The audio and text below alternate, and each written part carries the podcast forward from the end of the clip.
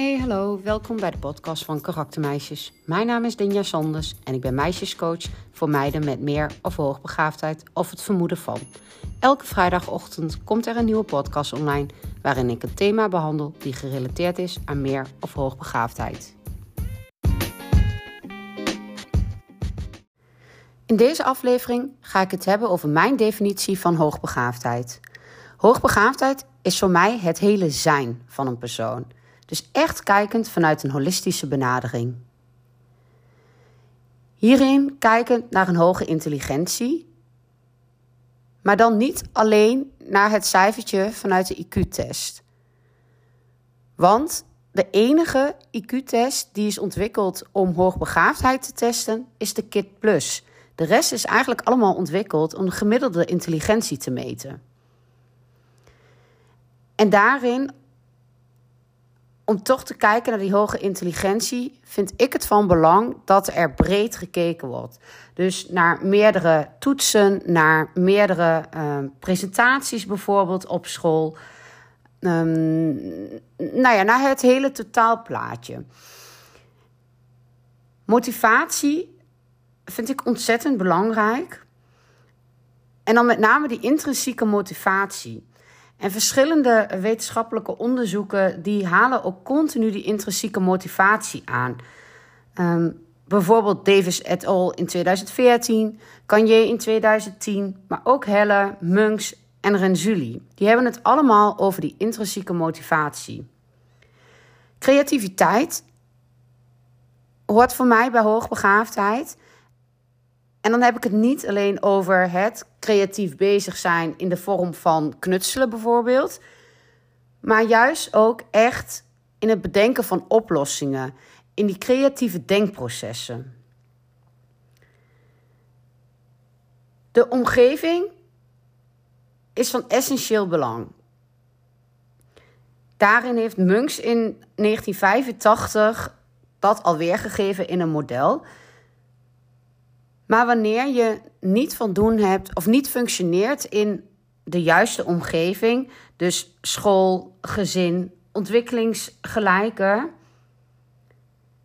dan is het ook extra ingewikkeld om ervoor te zorgen dat het hoogbegaafdheidspotentieel tot uiting komt.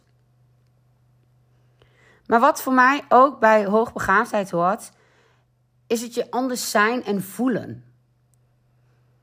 Die intense emoties ervaren gedachtes en contact en snel in denken, schakelen en doen. Daarnaast ook de kenmerken vanuit het zijnsluik van Tessa Kieboom, die ik in andere afleveringen al heb besproken. Dus autonomie, groot rechtvaardigheidsgevoel, kritisch zijn, gevoelig en perfectionisme. Maar als je dus kijkt, weet je, het is zo veelomvattend. Dan is het voor mij ook vrij logisch dat er vanuit wetenschap nog geen eenduidige definitie is. Maar als ik kijk naar de modellen die er zijn, naar de theorie die er ligt, dan zijn er gewoon wel een aantal punten die continu terugkomen. En dan hebben we het wel over het bovengemiddeld vermogen, over creativiteit, over motivatie en over die omgeving. En ergens volg ik ook hè, dat er gezegd wordt dat er ook gewoon nog een kansfactor is. Weet je, alles moet kloppen, of in ieder geval uh, goed genoeg kloppen, wil je hoogbegaafdheidspotentieel tot uiting komen. En die kansfactor zit voor mij vooral verweven in de omgeving.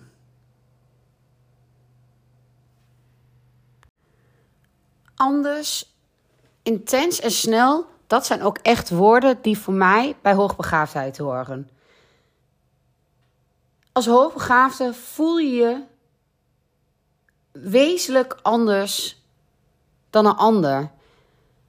Heel vaak is daar de gedachte dat er iets mis met je is.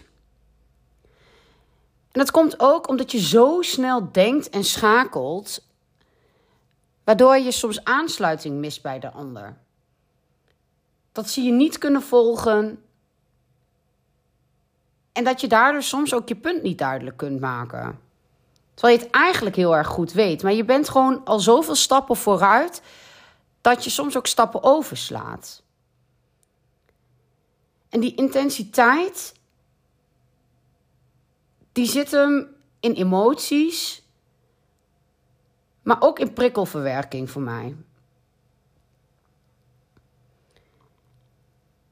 En daarin is het van wezenlijk belang dat je goed voor jezelf zorgt. Dat je soms afschaalt, even je rust pakt, om vervolgens weer door te kunnen. En aan de andere kant kan het ook zo zijn dat je als hoogbegaafde juist heel veel verschillende zaken onderneemt tegelijkertijd. Of in verschillende boeken tegelijk aan het lezen bent. Omdat je al die prikkels wel nodig hebt om die leerhonger te stillen. Dus hoogbegaafdheid is niet in één zin te beschrijven. En dat maakt het soms ook lastig om aan een ander uit te leggen of te weten dat je over hetzelfde spreekt. Ik hoop dat ik zo weer een klein beetje inzicht heb gegeven in wat hoogbegaafdheid voor mij inhoudt. En dat is ook echt gezien vanuit de theorie en vanuit de wetenschap. En ook vanuit mijn eigen ervaring en wat ik in mijn praktijk zie. En ik zou het wel leuk vinden als je me even laat weten wat hoogbegaafdheid voor jou betekent. Dankjewel voor het luisteren weer.